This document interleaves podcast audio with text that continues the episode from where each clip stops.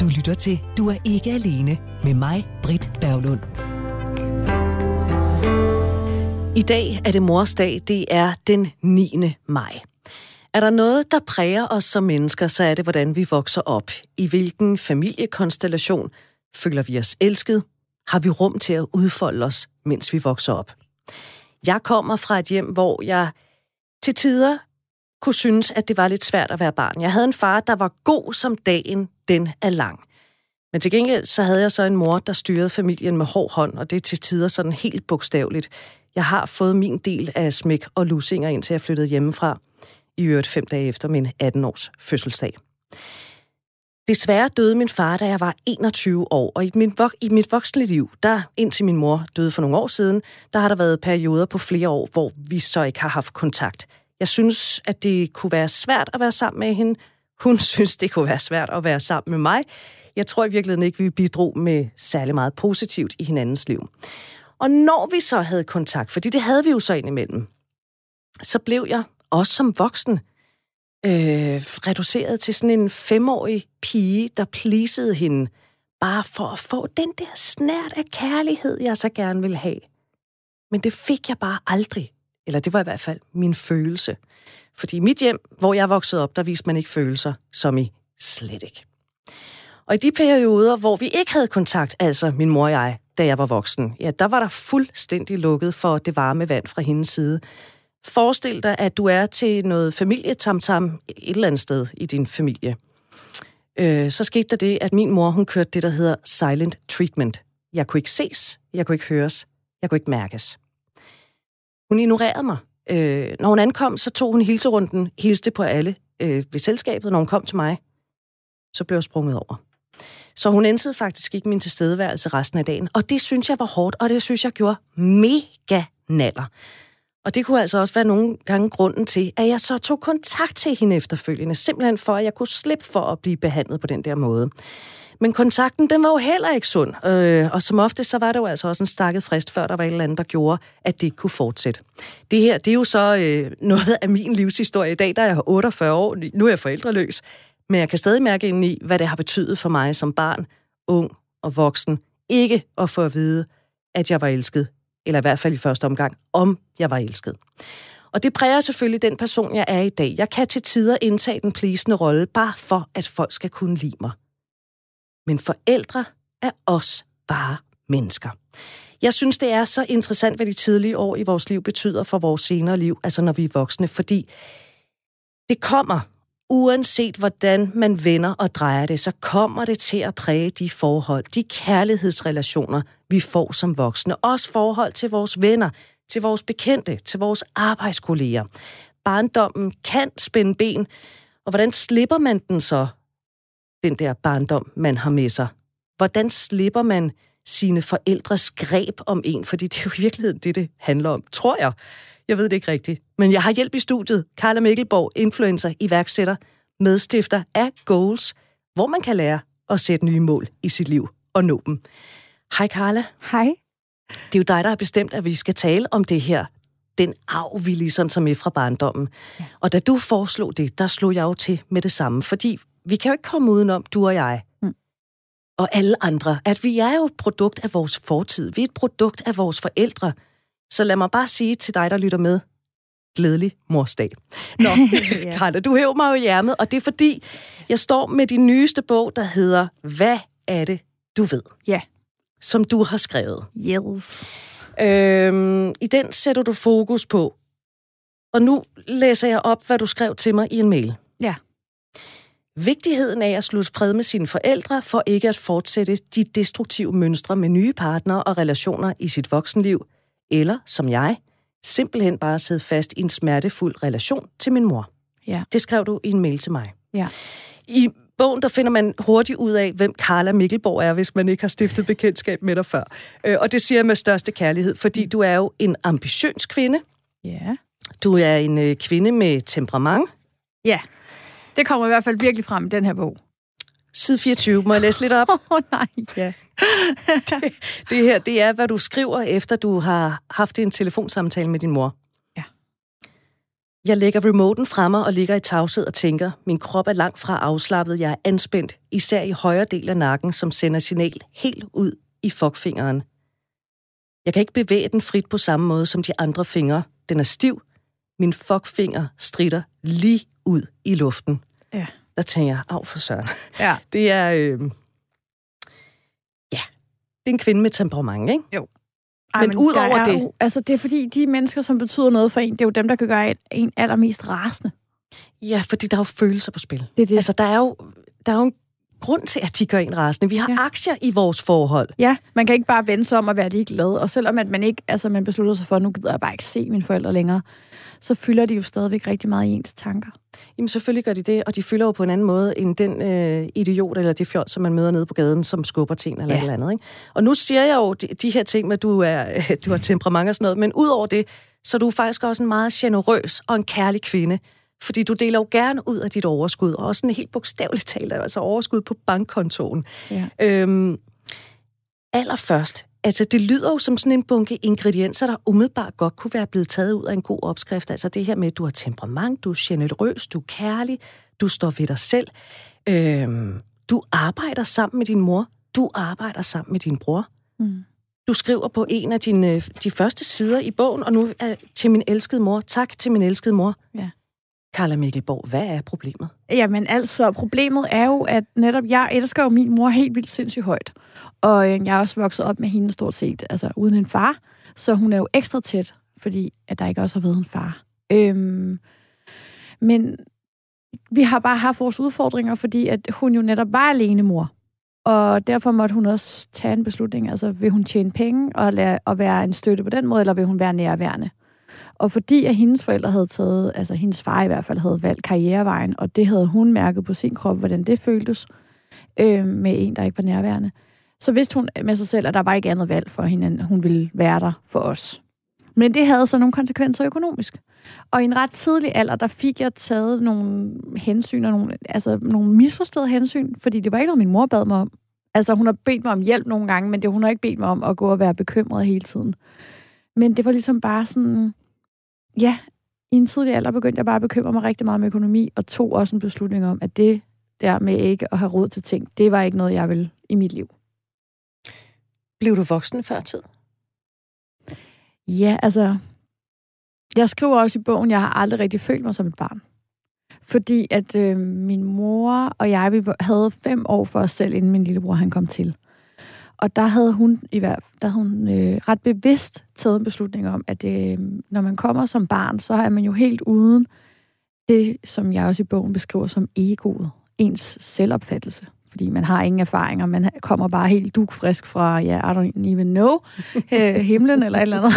Ja, det med storken. Ja, det må man lige selv finde ud af, hvor man tror, at man kommer fra. Men øhm, man kommer helt frisk, og der er det kun intuitionen, der råder. Så det vil sige, at min indre øh, tilskyld, til, tilskyndelse er det eneste, jeg har at dømme ud fra, når man er så lille. Og det tror jeg, min mor tog ret sådan... Øh, det, hun vidste godt, at de impulser, som jeg havde, kom fra et, øh, et, et sandt og kærligt sted. Så hun lyttede meget til mig. Og derfor har jeg altid bare følt mig i øjenhøjde med hende og alle andre. Og så har der så været nogle episoder, der gjorde, at jeg lige fandt ud af, okay, jeg er sgu et barn. Jeg får for, for, for det første nogle mega små mader øh, det kunne jeg ikke rigtig forstå, hvorfor de skulle være små. Og, øh, men jeg kan seriøst, jeg kan huske de der spørgsmålstegn, jeg havde inde i mit hoved. Sådan, okay, der er faktisk en forskel. Hvorfor skal du have så meget mad, når jeg skal have så lidt? ja, netop. og hvorfor må jeg ikke blive op og sådan noget. Men øhm, ja, så øh, vi har bare en mega, mega tæt relation og en dyb respekt for hinanden.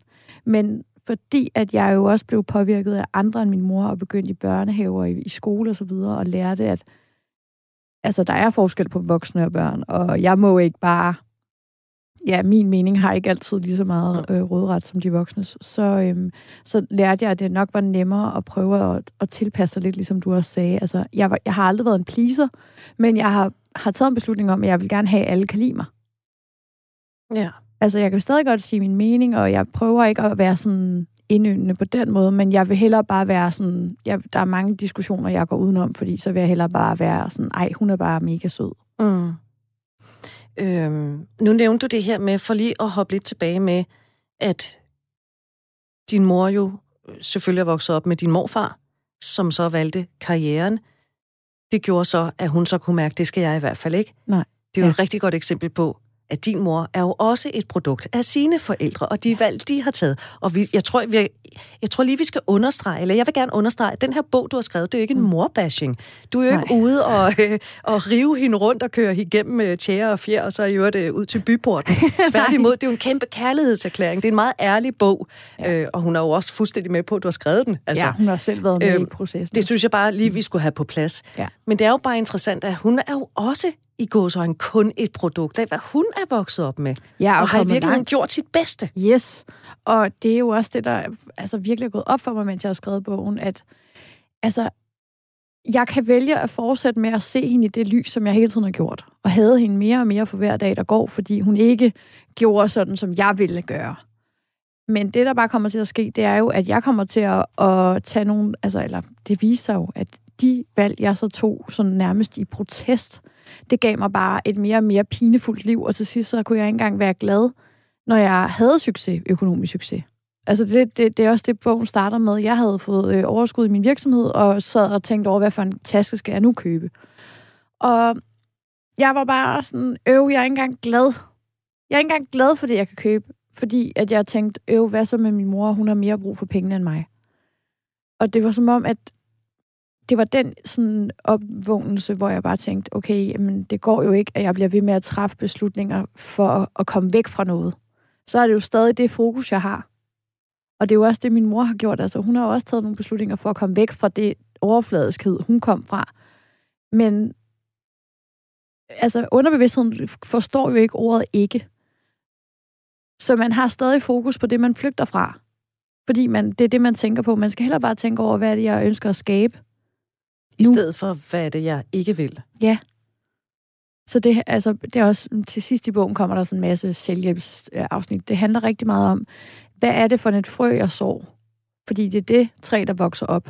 Så den intention, jeg frå, øh, altså, sætter i gang, det skal være føles godt nu. Så ja, og der kommer en masse gode tips, og som jeg også selv øver mig i nu med kærlighedslivet og sådan noget. Hvordan får man tiltrukket en kæreste, for eksempel, uden at, at, at, føle mangel. Fordi mm. det, så er det den følelse, der får lov at vokse. Mm. Selv når man kommer ind i en relation. Hvad er det betydet for dig, at du, øh, at du ikke har haft en, øh, altså en far hjemme på matriklen i hele din barndom? Mm, altså faktisk, for at være helt ærlig, så tror jeg bare, at det har gjort, at jeg er kommet tættere på min mor. Så for mig er det helt kanon. Altså, jeg har ikke savnet nogen far. Jeg, jeg, jeg er glad for, at jeg har fået et godt forhold til min far nu. Og øh, ja, altså, der er no regrets. Jeg er ikke sur på nogen.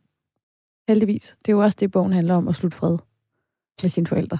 Ja, og det kan jo godt være, at du er sur undervejs, men man får også at vide, hvorfor du er sur, og du ja. bliver jo altid god igen. Ja. Øh, og igen, den er, altså det er, jeg kan mærke, når jeg læser den, jeg bliver ramt nogle steder, og det er jo kun godt, ja. men jeg kan også mærke, at der er enormt meget kærlighed i den.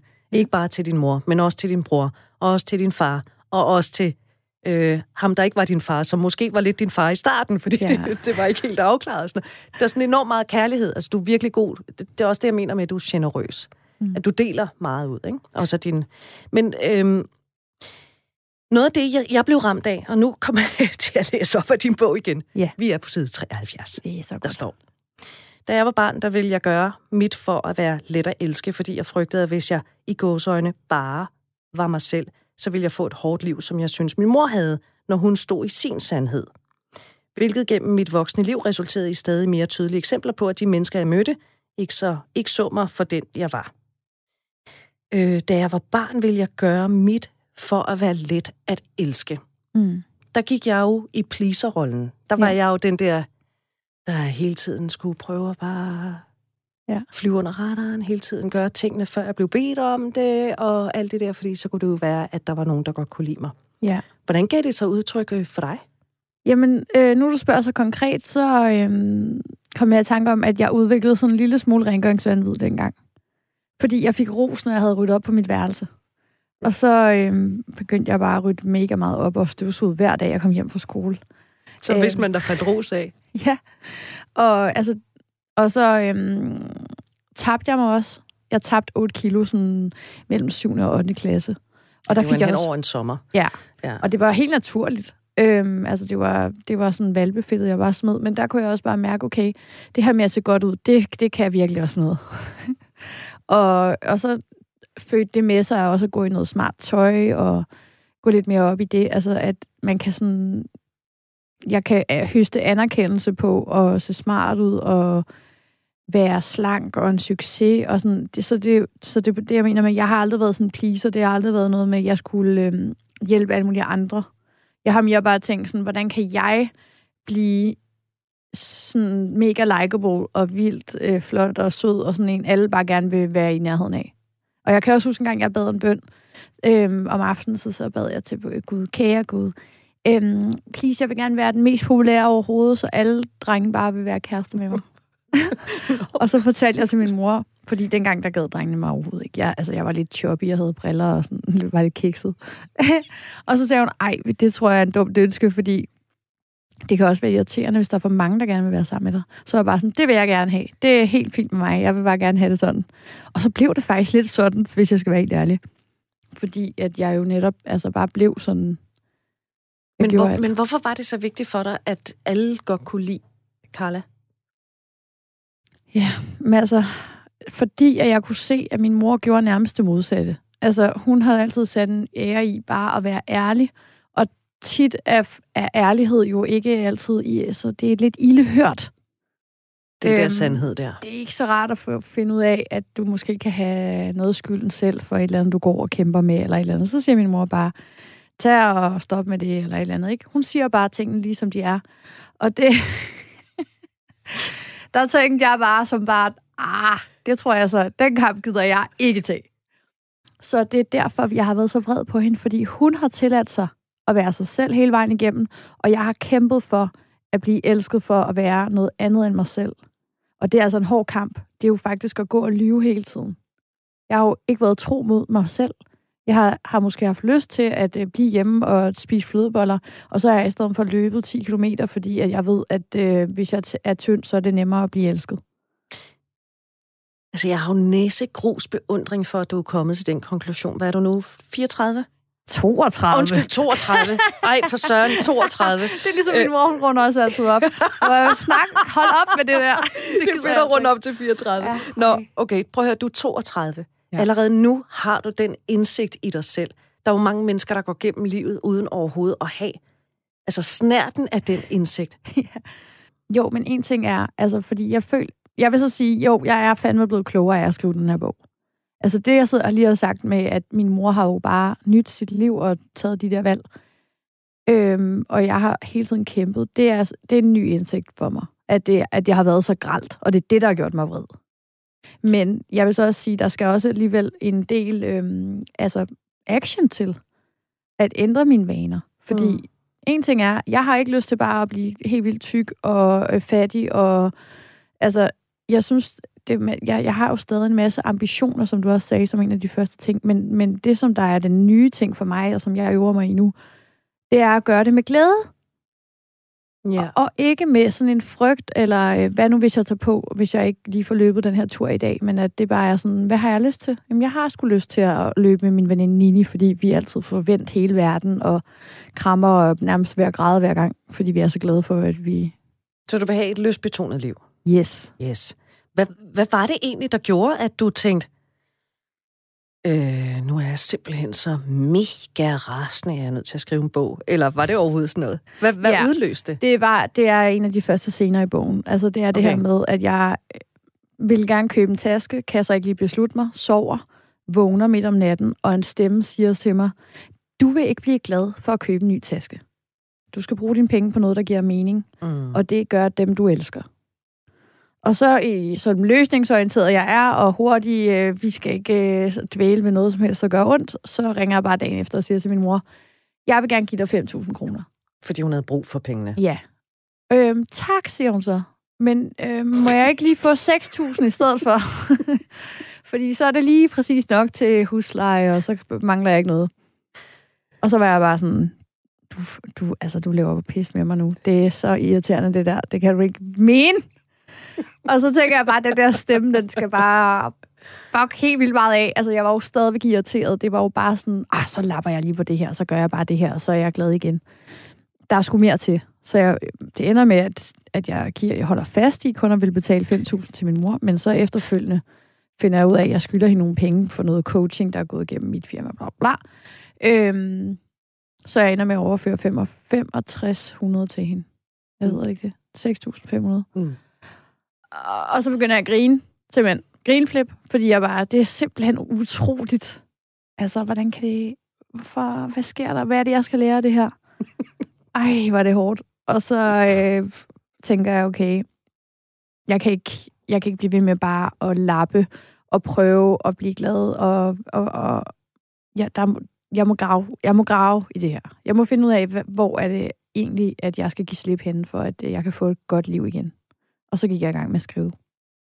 Det fede ved den der telefonsamtale, det er, som du selv siger, den er jo i, i begyndelsen af bogen, og da, da jeg sad og læste, der kunne jeg, der kunne jeg mærke, din mor sådan, mm, kan jeg ikke bare få 6.000 så? Ja. Og jeg kunne mærke din frustration over, undskyld, altså, du, vi går fra 0 til 5.000, og så lægger du lige et tusbas oveni. Ja. Og det kan virke så, det kan virke så banalt på en eller anden måde, at det er sådan en ting, men jeg kunne bare godt mærke den. Altså, Ja. Det er sgu... Altså, men alle, der har læst den, lige det der, de er sådan, ej, hvad, hvad, din mor, hun er da virkelig også irriterende. Ja, men hun, Hun er er, også bare ærlig. ærlig. Det er det. Mm. Og det er det, der er så fucking godt ved hende. Og som du også sagde i starten, din mor hilste ikke på dig. Nu, det er bare min intuition, der siger det her. Mm. Fordi du skulle lære ikke at være så plisende. Hun kunne ikke holde det ud. Vi har de forældre, vi skal have for at lære os at være os selv. Det, det, du ikke kan se dig, der lytter med, det er, Karla, hun laver lige sådan en anerkendende nik over til mig, blinker med øjnene som, så sådan er det. Så så er det. Ej, det var bare lige... Jeg siger... Mener du det? Ja, men Er det ikke bare lidt hokus pokus? nej. Det er sandt. Fordi, hvorfor skulle vi ellers få de forældre? Altså, jeg, jeg, Jamen, jeg kan ikke se det. mening. Jamen, altså, jeg tror, at meningen med, hvorfor er vi her, det er, fordi vi har glemt, hvad kærlighed er. Øh, og det skal vi prøve at lære på en eller anden måde. Fordi vi hele tiden tror, det er penge, vi skal hele tiden søge det, eller et eller andet, men vi skal sådan set bare finde det ind i os selv og have fred med det, der nu engang er. Og, øh, og nogen skal lære det på en virkelig hård måde, og andre kan lære det ved at øh, vokse op ude i Hellerup og have en kernefamilie eller et eller andet, I don't know. øhm, men det, det er også bare fordi, en, altså, det er synd at skulle gå, også når forældrene ikke er her længere, og så stadigvæk synes, at, at det var urimeligt. Det er federe på en eller anden måde. Bare, altså bare for selv at få fred. Altså, man kan tro på det ene eller det andet. Det er også det, bogen handler om. Prøv igen. Kan, kunne der være en anden måde, man kunne se det her på? Og der vil i hvert fald også være fred i at tænke, at det kunne være, at det var det, hun prøvede at fortælle dig med sin totalt forfærdelige opførsel. Altså, det kan vi godt blive enige om. Det er virkelig ikke særlig rart, at Mm. ens mor ikke vil hilse på en. Men hvis man skulle prøve at se det på en anden måde, en anden måde, der også kunne være sand, og måske var hendes årsag, ikke? Du er skide irriterende. Ja. Og du er irriterende, fordi at, øh, at, at jeg ved jo i virkeligheden godt, at øh, der, det er de færreste mennesker, der er særlig kønne, når de smider sig ned i offerrollen. Øh, og det kan jeg jo godt mærke, det kan jeg jo godt komme til, når det handler netop om den historie med mine forældre, Mm. med min opvækst. Og det, du gør lige nu, det er, at du øh, på en eller anden meget fin måde siger, og så har du jo også en, selv en del af ansvaret. Og det har vi jo i virkeligheden også. På, på en eller anden måde. Men det, der er balladen, synes jeg, når vi taler om vores øh, barndom, vores opvækst, det er, at vi kender jo ikke til andet. Nej. Du har ikke kendt til andet end at leve i det hjem, du har levet i med øh, først din mor alene, og så kom din lillebror til øh, Kalle fem år senere, Mm. og så var det ligesom jer tre i den treenighed. Så det er svært at... Øh, et eller andet, som jeg ikke... Ja, det er, Og se klart. Ja, et eller andet sted. Ja. Fordi vi tror jo, at sådan er alle verdens måske indrettet. Mm. Og så når vi kommer ud på den, på den anden side som færdigbagte voksne, Ja. så kigger vi os tilbage og tænker, Det var ikke okay. ja, det var da, sådan var det da ikke over hos Lone. Ja. Og så kan reaktionen komme, ikke? Jo, det er rigtigt. Jeg tror også, det er derfor, der er mange børn, når de bliver misbrugt som børn, så er de faktisk sådan, så går det okay. Men så når de Ja, bliver de voksne... det ikke. Nej, og når, så når de bliver voksne, kommer alle problemerne væltende, ikke? Ja. Så det er jo også, det, er jo, det synes jeg egentlig også er et meget tydeligt eksempel på, at det handler jo så om, hvad er det, vi... hvor- Hvordan er det, vi dømmer det, der er sket? Altså, det er vores valg om, hvordan vi ser på det i dag. Og det er det, der giver os den følelse, som vi enten kan vælge at leve ud fra og med, selvom at det er hårdt, eller vi kan vælge at slippe og så sige, det var sådan, det var. Men det kan også godt være, at der var en anden måde, at, der, at det blev givet ud på, at det ikke var ren ondskab, men at det var øh, mangel af bedre, eller der kan være nogle forskellige årsager, så kan man måske give slip på det på den måde og komme videre med sit liv, i stedet for at prøve at flygte fra det. Fordi så gentager man det ofte, ikke? Øh, jo, eller hænge fast i noget, som jo i grundlæggende måske er ret usundt for en at hænge fast i. Ja. Du lytter til Radio 4. Du beskriver jo så ig- igennem øh, noget af din bog, og du har også øh, sagt det her hos mig, det her med, at, øh, at du jo så var rejsende i en sandhed, som jo ikke var sandheden. Altså, øh, og det, der sker, da du så bliver voksen, så, eller I alle sammen er voksne, så er lige pludselig tre voksne, der siger, hey, skal vi, skal vi ikke arbejde sammen? Det er da det, vi skal. Det er da super. Det er din mors idé, Ja. at I skal lave det her firma, Mm. og det gør I så, du bliver direktøren for hele skidtet. Din Ja. bror, han er god til at programmere. Din mor er mega kreativ. Ja. Og så kan Carla gå ud og sælge, fordi Carla kan alle lide. Så Ja. du bliver ligesom direktøren for det hele. Ja. Øh, og du beskriver meget fint i bogen, hvordan pengene på et tidspunkt bare sidder virkelig, virkelig løs på dig. Ja. Der skal købes nyt tøj, der er nye tasker, der så skal der også lige, øh, så der skal der serveres brunch alle mulige steder, der er champagne og det ene og det andet. Men samtidig så skriver du så, og noget jeg også blev mærke i, det var, at du beskriver, hvordan du begynder at pleje nye relationer, i stedet for at pleje de gamle, som du har haft fra mange år tilbage. Fordi lige pludselig, de nye var lidt vigtigere, de var lidt mere spændende. Ja. Og inden du får set dem, så får du malet det op i et hjørne. Ja. Hvad er det for en hjørne? Jamen altså, det, bliver, det er ligesom bare next level af den der popularitet, jeg har håndtet, siden jeg bare altså, gik i folkeskolen, ikke? Og til sidst, så bliver det bare sådan en fake skal. Altså, det, det, det, det, det føles bare ikke rigtigt. Altså, og jeg er ikke rigtig bevidst om det dengang. Men jeg kan mærke det, fordi jeg ikke er glad. Og det er jo det, som, det er den blyant, vi skal begynde at lære at spise, og rent faktisk mærke efter, men altså, hvordan har jeg det? Er jeg vel tilpas lige nu? Hvis ikke, hvad er det for nogle løgne, jeg prøver at fortælle mig selv, som jeg skal prøve at opretholde for at, at føle, at jeg er god nok? Ja, fordi du var jo i virkeligheden rejsende i at være i en historie om at være et menneske, du ikke var. 100 procent. Altså, det var ligesom bare et, et langt skuespil, og det var også lidt paradoxalt, fordi jeg har været skuespiller, Ja. og det gad jeg så ikke, fordi jeg vil være mig selv. Og så går jeg bare ud og spiller en ny rolle et andet sted i mit eget liv. så nej, det var ikke det, du skulle. Men det var jo så en velkendt rolle, du kunne tage på dig. Altså, Ja. fordi du er jo god til skuespil. Ja, Også er over for dig selv. Ja. Det er jo i virkeligheden den mest skræmmende del, ikke? Jo, og så også, det skriver jeg også i bogen, at de fleste er faktisk gode skuespillere. Fordi det er hårdt at være autentisk hele tiden, fordi man kan godt få nogle slag over nakken, og så er det nemmere bare at, at lige komme med en hvid lille løgn, eller spille lidt mere tough, end man egentlig er. Mm. Men den eneste, man sover ved det, det er bare, man, altså, man spiller jo tough for ikke at sove sig selv.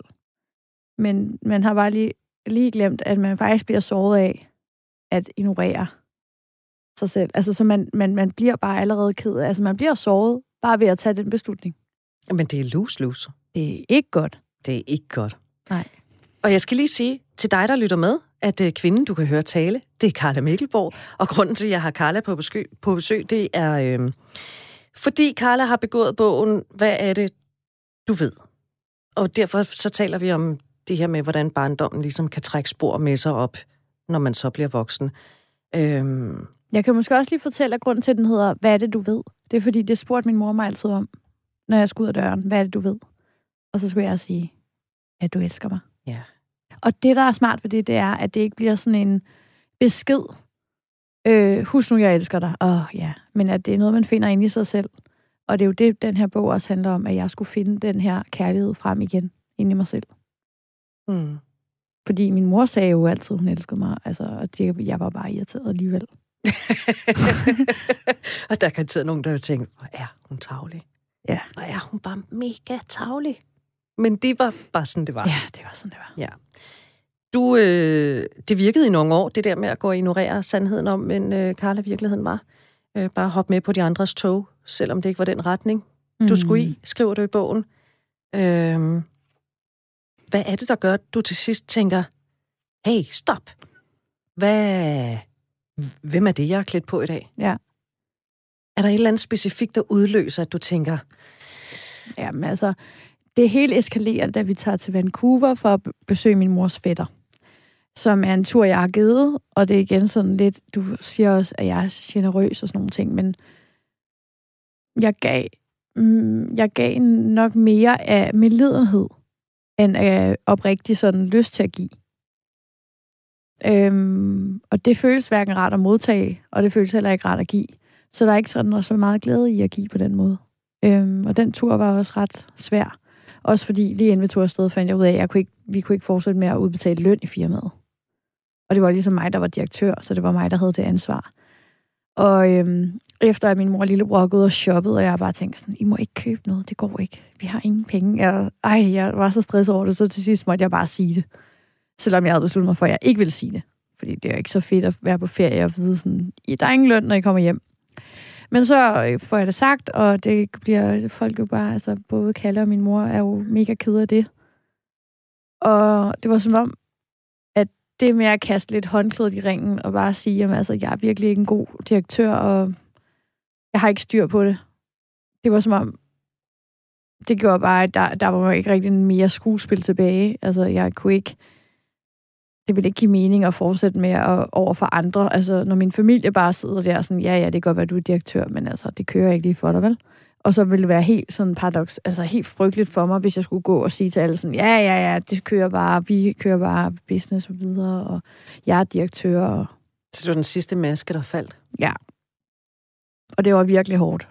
Det gjorde virkelig ondt, fordi det er jo de mennesker, jeg elsker allermest i mit liv, som jeg sådan skulle trække gulvtæppet væk under. Øhm. Og så var jeg også samtidig også irriteret over, at jeg overhovedet havde fået det her ansvar, fordi jeg var sådan, det kan da ikke være rigtigt, at det skal være mig, der skal stå med det, med det her. Men jeg havde jo selv taget det, fordi jeg igen bare ville være likeable, ikke? Og det har bare nogle konsekvenser. Du vil gerne være populær? Ja. Det her, du har været øh, øh, et fremmed menneske. Måske lidt hårdt at sige, at du var et fremmed menneske, men du var i hvert fald et andet menneske. Ja. Øh, jeg var ikke mig selv. Nej, du var ikke dig selv. Ja. Hvordan gav det så udtryk i din relation med kærester, flygtige bekendtskaber, alt sådan noget? Ja, der er det jo jeg fik jo nogle kærester i den virkelig periode. Virkelig vigtigt, at man kan være sig selv. Ja, jeg fik nogle kærester i den periode, som... Altså, jeg, man kan overhovedet ikke sige noget fællestræk for dem, fordi jeg har godt nok været forskellig og lært mig mange forskellige ting hver især. Men måske, sådan, hvis man skal slå et cirkelslag rundt om det, så er det jo nok... Øh, det, der er sket der, det var jo også, at de blev vild med en person, som var, var det, jeg stillede ud i, i butiksvinduet, ikke? At øh, så var der en periode, hvor at... Øh, hvor jeg havde meget nedringet tøj på, så fik jeg så en kæreste, der elskede bryster og sex, og det var så det, det forhold gik meget ud på. hvor at, at jeg måske havde, ville have, altså havde det sådan lidt, ja, ja, ja, men det kan godt være, at det er det, der står ude i butiksvinduet. Men hernede i kælderen, der er min rigtige personlighed. Det er altså den, jeg gerne vil have, at du skal kunne lide. Og det var han egentlig ikke så vild med. Fordi så var han sådan, du er alt for festlig, og hvorfor skal du hele tiden... Øh... Det er jo ikke den vare, jeg har købt. Nej. Og det er derfor, at jeg var så glad for, at jeg endelig bare kan være mig selv. Og jeg tror også, det er derfor, jeg i lang tid ikke har haft en kæreste. Fordi at mine omgivelser skal jo også lige vende sig til, at, at jeg, jeg begynder meget mere at vise, hvem jeg egentlig er.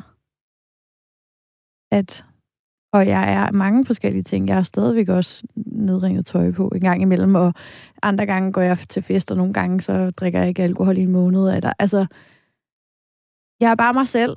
Take it or leave it. og hvordan føles det? Det er så dejligt. Du kan da ikke komme afsted med bare at sige, at det er så dejligt.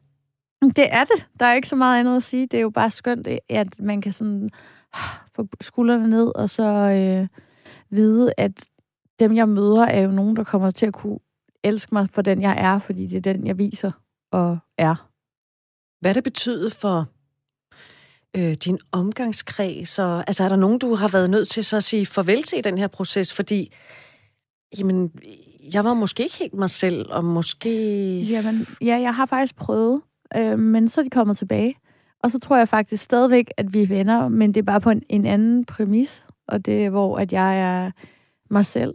Så det, jeg tror faktisk, tror jeg, at de mennesker, som er i vores liv, er der er en årsag, og det er en sjældent vores øhm, ansvar, eller hvad man skal sige, at skulle afskedige dem, altså helt sådan upfront. Det kan være nogle gange, så løber ting ud i sandet og sådan noget, så er det lidt mere naturligt. Men de gange, hvor jeg har prøvet at lave sådan en rigtig interventional øh, goodbye, halløj, så er de bare kommet tilbage. Og det har været fint, fordi så har vi lært noget af det. Jeg har skrevet på min blog her, det kan du ikke læse, det står også med mm. virkelig grim skrift. Et spørgsmål, som meldte sig for et øjeblik siden. Mm. Øh, Carla Mikkelborg, tror du, at du skal lære af alle mennesker, du, kører, du, du øh, møder og kender? Ja. Og de også lærer mig. Vi er jo alle sammen lærer elever over for hinanden, fordi hvis man, man altså, ens lærer lærer jo også noget af en tilbage, fordi at man kan stille nogle spørgsmål, som læreren måske ikke lige havde tænkt på. Og, altså, jeg tror, at vi skal slet ikke gå og bedømme så meget om, at ej, den her person behøver jeg ikke tale med, fordi det er lige meget. Altså, den her sidemakker, det er lige meget. Det, der er altid noget, vi kan få ud af hinanden. Det er altid spændende at møde nogle nye mennesker. Og ikke, altså, man må også godt bare gå rundt for sig selv, men bare det der med, lad være med at dømme, hvem der er vigtige, og hvem der ikke er vigtige. Der er en grund til, at de er i dit liv. Kan du lide alle mennesker, du møder? Nej. Åh, oh, gudskelov. Nej, Så er der nej. lidt menneske tilbage Det er sgu da ikke, fordi jeg kan lide dem alle sammen, men det er, jo, det er jo nærmest dem, man ikke allermindst kan lide, man lærer mest af. Måske fordi de i virkeligheden repræsenterer noget, som en i en selv, man skal have kigget på. Er det sådan, der? Jeps. I bogen, der citerer jeg også øh, Dr. Phil, der siger, There's just something about that guy I hate about myself. Og det er så sandt. Det er så sandt. Ja. Har du nogensinde, fordi du har været ret fred på din mor, mm. og øh, du har også været det her andet menneske, end du reelt er. Mm. Øhm, og selvom du jo også har meget, meget stort kærlighed til din mor, fordi det, lad os understrege igen, det har du, det har du også til din lillebror Kalle. Har du nogensinde overvejet det der med, om det kunne være smart eller en mulighed at klippe navlestrengen fuldstændig? Så du får et arbejde, Kalle får et arbejde, din mor får det et har arbejde. Det har vi gjort. Det har vi gjort. Vi har stadig vores fælles firma, men det er min mor, der er direktør. Vi er kun med i bestyrelsen. Og vi alle tre er splittet op nu på arbejdswise, og mm. det har været vigtigt. Og det er også det, der har været med til at hele forholdet, det vil jeg helt klart sige, fordi det var bare for snu rusket ind i hinanden. Mm. Men jeg tror også især, altså, når, når vi taler om det der med elske, altså, eller ikke elske, eller være irriteret på sin mor, det, det var jo ikke min mor, jeg var sur på, det var mig selv. Fordi jeg ikke turde være mig selv. Hun var bare billedet på det. Den tætteste, det tætteste vidne og det tætteste spejl på det, ikke? Altså, fordi hun var bare, som hun var. Du lytter til Du er ikke alene med mig, Britt Berglund. Hvor mange tror du render rundt med et eller andet, som man har hævet med sig fra barndommen op i sit voksne liv, og som måske er ret uhensigtsmæssigt at rende rundt med? Alle. Hver en? Alle har noget. Ja, altså, jeg har mødt en, som sagde, hun har bare sådan et godt forhold til sin mor, der er slet ikke noget. Og det, det tror jeg også er rigtigt. Altså, det kan selvfølgelig godt være, at der er nogen, der har, har det helt perfekt, men jeg tror der altid, der vil være noget, altså et eller andet dårligt mønster, som har noget, som har nogle rødder tilbage til barndommen, som øh, man måske lige skulle få, øh, få tilgivet, eller i hvert fald accepteret. Din mor, hun lever jo i bedste velgående. Det gør hun i hvert fald. Og nu er hun også her på skrift i din bog, og ja. hun ved jo godt, du har skrevet den. Ja, ja. Hun, hun har, har faktisk været med i processen. Yes. Øh, hvad har det betydet for din relation til din mor i dag, at du har været så ærlig, som du er i den her bog, om ikke bare hende, ikke bare om dig selv, men også om jeres relation?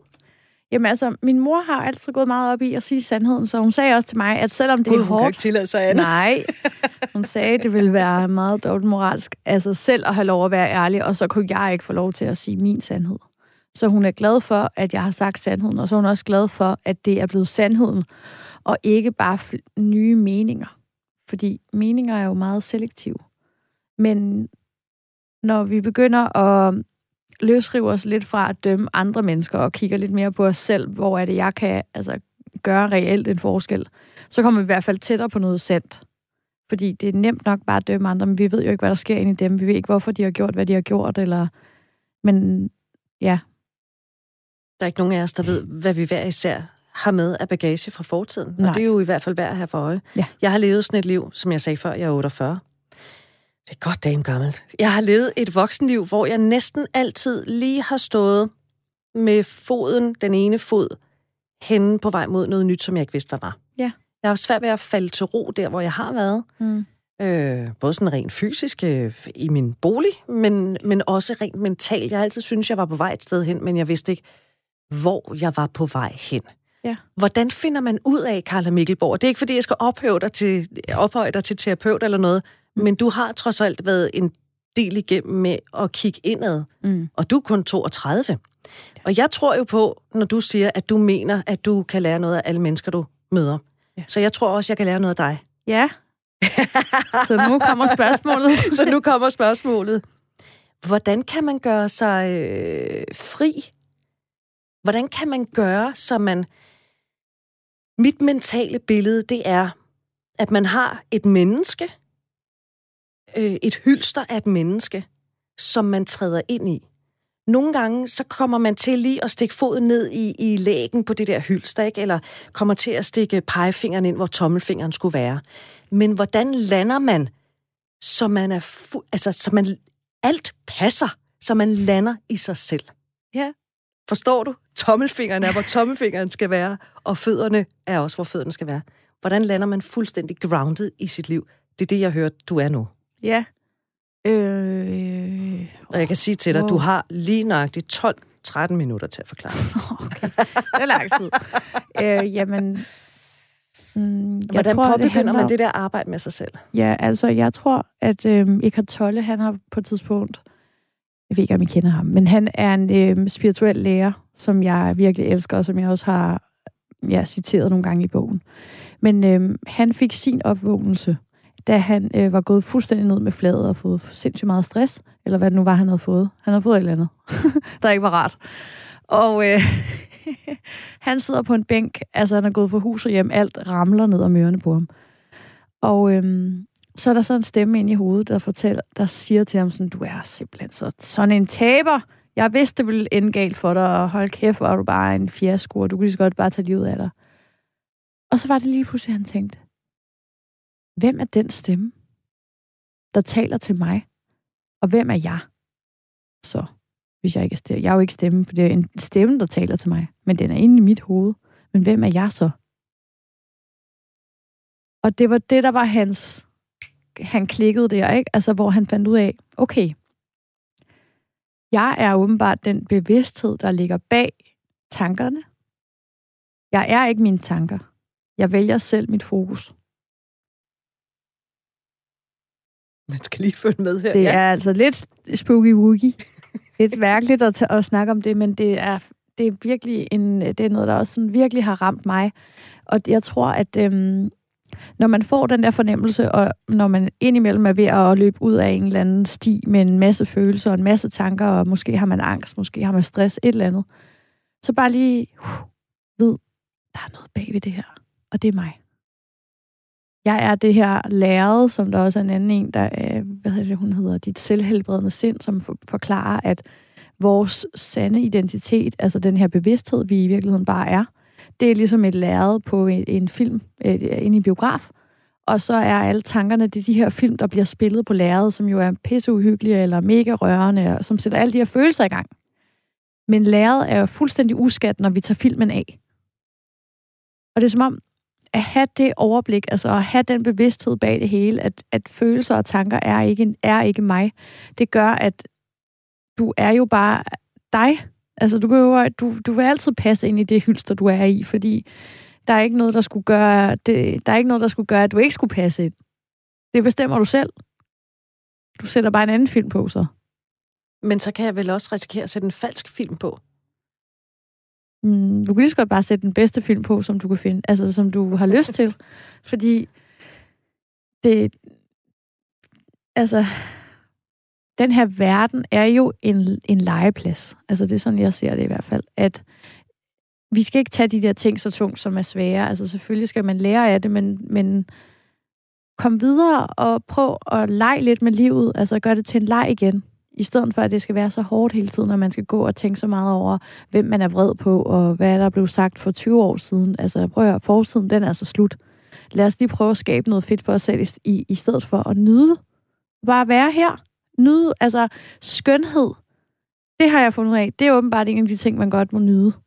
Fordi det er der meget nydelse i. Altså sådan en lækker kaffe, hvor at skummen er helt vildt smuk, og, ah, og lækker cremer, der dufter godt på huden, og solen, der skinner ind af vinduet og laver sådan nogle spil rundt omkring i lejligheden, og nyvasket gulve, der dufter af ludsæbe. Og, altså, sådan nogle små detaljer, der bare gør, at der er nydelse. Det fjerner jo fokus væk fra alle de der tanker, som før gjorde en bange.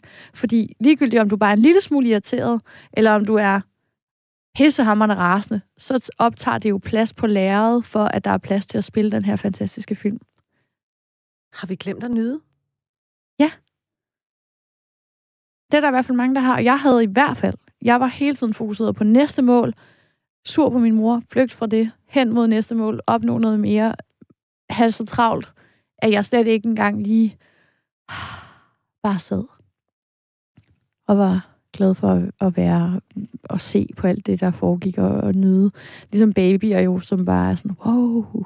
Ja, de kan ikke andet. Nej. Hvor meget nyder du i løbet af en dag? Ja, er, du go- er du god til at huske på at nyde? Ja. Fordi det er jo sådan en ting, som vi godt kan glemme lidt, ja. når vi skal fra det ene til det andet, eller hvad ved jeg, ikke? Ja, jeg synes, jeg er rigtig... Jeg, altså, jeg har altid hadet at løbe. Men det er jeg begyndt at elske, fordi at der er så meget nydelse for mig på de ture. Fordi at jeg kigger, ja, jeg ved godt, det lyder specielt. Ja, det er, men, øh, det er fordi, det er så smukt. Og jeg løber ned ved søerne, og den måde, som lyset falder, og, og laver perler på perlemor over det hele. Og altså, åh, jeg synes bare, det, det er så livsbekræftende at få set noget natur hver dag. Altså, så det kan godt være, at man ikke kan lide at løbe, så kan man gå en tur. Men det gode ved at løbe, det er, at jeg kan komme lidt længere væk og se nogle andre ting. Mm. Så det... Øhm, og så nyder jeg, altså i dag, der mødtes jeg lige med Nini, min veninde, hun bor lige ved siden af. Så drak vi en god kop kaffe, og så nød jeg, at det kunne man igen på en café, uden at skulle tage den langt væk fra caféen. I dag, der er du meget ærlig. Ja. Altså ikke bare i dag, dag, men i det liv, du lever i dag, er du meget ærlig. Mm. Øhm, du skulle ikke nære med at sige, hvad du hvordan du har det, hvad du synes, hvad du ikke synes. Øhm, I forhold til, tror du, det bliver nemmere for dig nu i forhold til mænd, for eksempel? Jamen, jeg sad lige og tænkte på det, da du sagde det. Fordi det, ja, so much. Altså, fordi jeg for eksempel, øh, jeg, jeg har jo altid bare prøvet ligesom at være nem at elske, ikke? Og min mor har altid øh, været pisse glad med det, og jeg har jo ikke vil være som min mor. Og nu har jeg bare fundet ud af, at jeg er rigtig meget som min mor, og jeg har det så godt med det. Fordi det gør så mig så glad og fri. Så over for mænd, der er jeg jo bare sådan, hvis jeg har en dårlig mavefornemmelse, så siger jeg det bare, ved du hvad, vi to, vi skal altså ikke noget. Vi skal ikke, øh, du skal ikke herhen. Du skal ikke på besøg hos mig. Og så forstår de det også godt. De har jo respekt for, at jeg har respekt for mig selv. Meget mere, altså jeg bliver meget mere elsket faktisk for at turde være ærlig frem for at bevæge mig ud i et eller andet, jeg godt ved fra start, det kommer aldrig til at gå. Så skal man redde i land, eller stoppe det, eller et eller andet, ikke? Det, jeg tænker på, det er også, der kan måske også være noget med, i det øjeblik, man som møder en, hvor man, åh, han er faktisk ret dejlig, så er der kommet lidt følelser på spil, om de kan gå ind og mudre lidt ja. ved det der billede, ikke? Jo. Fordi... Det gør det svært. Kan jeg så være så ærlig, som jeg er, og så, så ren i min mm. altså fremtoning, forstå mig ret, men ikke at skulle forestille at være noget, jeg ikke er. Jamen altså... Fordi man bare rigtig gerne vil det. Ja, man vil jo nærmest... Altså, det er jo det, man kæmper hele tiden mod sin, øh, sin vilje, egoets vilje, som vil have ret, og som vil have sin vilje. Og jeg er 32, jeg skal fandme også bare nu at have en kæreste og sådan noget, ikke? Men i mit hjerte ved jeg jo godt, at det, jeg er ikke interesseret i at have en kæreste på det, den præmis. Så øhm, det kan godt være nogle gange, at det får lov at løbe af med mig, især hvis jeg har drukket alkohol. Øhm, men så vågner jeg heldigvis til bevidsthed bagefter, og er sådan, nej, det går ikke, det, det må jeg lige, det må jeg lige få stoppet. Mm. Og så er der så meget selvkærlighed, har jeg fundet i, i at sige nej tak. Ja. Og det giver mig sådan en kæmpe boost, at være sådan, hey, jeg, jeg, er ikke, jeg er ikke bare sådan en, der er nem at få. Jeg vælger bare, jeg gider kun. Jeg havde fundet sådan et billede på Pinterest med en mand, hvor der sådan står sådan et citat ud foran ham fra sådan en gammel 50'er film, hvor der står, I only sleep with women that I'm in love with. Mm. Og det er mit nye slogan. det vil jeg altså kun. Jeg gider ikke bare give min krop væk til noget sådan tilfældigt. Selvkærlighed, det er et godt ord, ikke? Ja. Ja. Hvordan er det at mærke selvkærlighed? Det føles bare dejligt, at, øhm, at få kærlig, altså at have kærlighed til mig selv, frem for at skulle tække hos det hos andre for ved ikke at være mig selv. Nærmest, ikke? Øh, det føles ikke rart at være elsket, fordi at jeg, sådan, at jeg øh, overhørte mine egne signaler. Men det føles meget mere sådan fuldendt og sådan helende, at være sådan, nej tak, du, det har jeg ikke lyst til. Det behøver ikke at Jeg hopper over her. Nej. Ja. ja. Det er lidt ligesom, hvis man har en ko gående ude i haven. Ja. Så, det er fordi, så behøver man ikke gå ned og hente mælk. Altså det der med, at man selv hele tiden, når man er selvforsynende i kærlighed, ja. det er der også helt andet smukt i, synes jeg. Det er rigtigt. Var det et dumt eksempel? Nej, det du var må så godt, smukt. Du må godt være ærlig og sige, Ej, at det var mega det. dumt. Nej, det kan jeg da godt se. Og jeg tror også bare, at det gør også, at man er meget nemmere, ja, faktisk har nemmere ved at tiltrække en kæreste, eller hvad man nu også gerne vil have, hvis man bare har nok i sig selv, fordi den der, altså det er jo, der er ikke noget værre, end at være i et forhold med en, der hele tiden hungrer efter ens bekræftelse. Mm-hmm. Altså, det er jo meget federe at være sammen med et menneske, hvor man er, altså man hygger sig, og, men, men ikke så på den måde fuldstændig afhængig af hinanden, og aldrig kan nærmest få nok opmærksomhed. Det er jo så tærende. Jeg er sikker på, at du har hørt den her sætning, som jeg kommer til at sige nu rigtig, rigtig mange gange, fordi det er jeg også. Mm. Og nu siger jeg den alligevel. De kloge siger, mm. Eller en eller anden har engang sagt, man kan ikke elske andre, før man elsker sig selv. Ja, du bliver helt træt i ansigtet, når jeg siger det. Men det passer vel egentlig meget godt, gør det ikke det? Jo, det gør det. Det gør det sgu, fordi det, som vi jo også bare skal vide, er, at vi er jo ikke en øde ø. Vi er jo ikke adskilt fra hinanden. Altså, energien, den er jo over det hele øhm, ustoppelig og uendelig. Altså, den, der er i hele det her univers. Og vi er, altså, det er et stort system. Så vi kan ikke bare sådan tro, at vi er en lille bitte solstråle. Altså, vi er en del af solen, og vi er på vej. Helt uden vi behøver at kæmpe. Og vi kan ikke trække os ud. Nej. Fordi vi også... Der er nogen, der behøver os i det der system. Ja. Ligesom vi behøver andre. Ja. Det er det. Og det er også derfor, vi skal slutte fred med dem, vi elsker, for ellers så bliver det altså godt nok et hårdt liv. Mm. Hvordan havde du det, da du... Den her bog, det er jo ikke en lille pamflet, du har lavet. Nej. Den er på 286 sider. Ja, der er også lidt plads til ja. noter til sidst. 286 sider, ikke? Plus, mm. øh, plus til noter. Mm. Dine sidste øh, seks ord, det er, det er der stor fred i. Og så er der et punktum. Hvordan var det at sætte det punktum? Åh, oh, det var dejligt. Jamen altså, jeg, er, jeg har det sådan lidt med den bog, at den største gave er jo, at jeg har fået fred med min mor. Så det er sådan, om den så solgte meget eller ej, så vil jeg bare synes, det var det hele værd. Altså, no, no shit. Fordi det har været terapeutisk at skrive den? Helt vildt. Og så, altså dem, der har læst den, synes så heldigvis også, den er god, fordi det er også træls, hvis man bare skal sidde og læse folk sådan øh, øh, terapinoter. jeg har gjort mig lidt umage med at gøre den underholdende også. altså, jeg vil sige, at den er ret underholdende nogle steder. Ja. Og så kan jeg jo godt lide, at... Øh, og det er jo alt efter, hvem man er som menneske, men øh, jeg kan jo godt mærke, at noget af det, som du har oplevet, mm. den måde, du har været på, det kan jeg jo godt ikke genkende til. Og så er det jo rart for mig at vide, at der er faktisk en vej ud af det. Ja. Yeah. Hvis man vil gøre håb. arbejdet. Der er håb. Ja. Yeah. Carla Mikkelborg, er Hvad tiden er det, allerede du gået? Øh, ja. Hej. Du kan, du, og du kan ikke få lov til at blive, fordi vi skal have nyheder om det. nu har du lige fået tilkæmpet dig en plads på den stol der. Prøv at høre, det har været en fornøjelse. Ikke bare at læse din bog, det har været rørende at snakke med dig. Jeg synes, du er et dejligt, ærligt menneske. Og jeg lærer af dig. Det kan jeg godt lide. Hvor er du sød. Du er ikke alene. Vi skal øh, slutte for i dag. Jeg vil bare sige tak, fordi du lyttede med. Carlas bog hedder altså, Hvad er det, du ved, den udkom i slutningen af april. Øh, det er god læsning. Hermed anbefaling givet videre. Og så vil jeg bare sige, at øh, hvis du er kommet sent ind i det her program, som jo altså har handlet lidt om, hvordan barndommen kan spænde ben, og hvordan vi kan forestille os at være nogen, vi i virkeligheden ikke er, og hvad det betyder for os, så øh, kan du hente programmet her som podcast. Det kan du gøre enten i Radio 4's app, eller der, hvor du ellers plejer at hente dine podcasts. Og så er der som end ikke andet tilbage, end at sige øh, rigtig glædelig mors dag. Og øh, så høres vi ved om en uges tid. Jeg hedder Britt Berglund. Programmet her det er produceret af Only Human Media. Vi høres ved. Nu er der nyheder.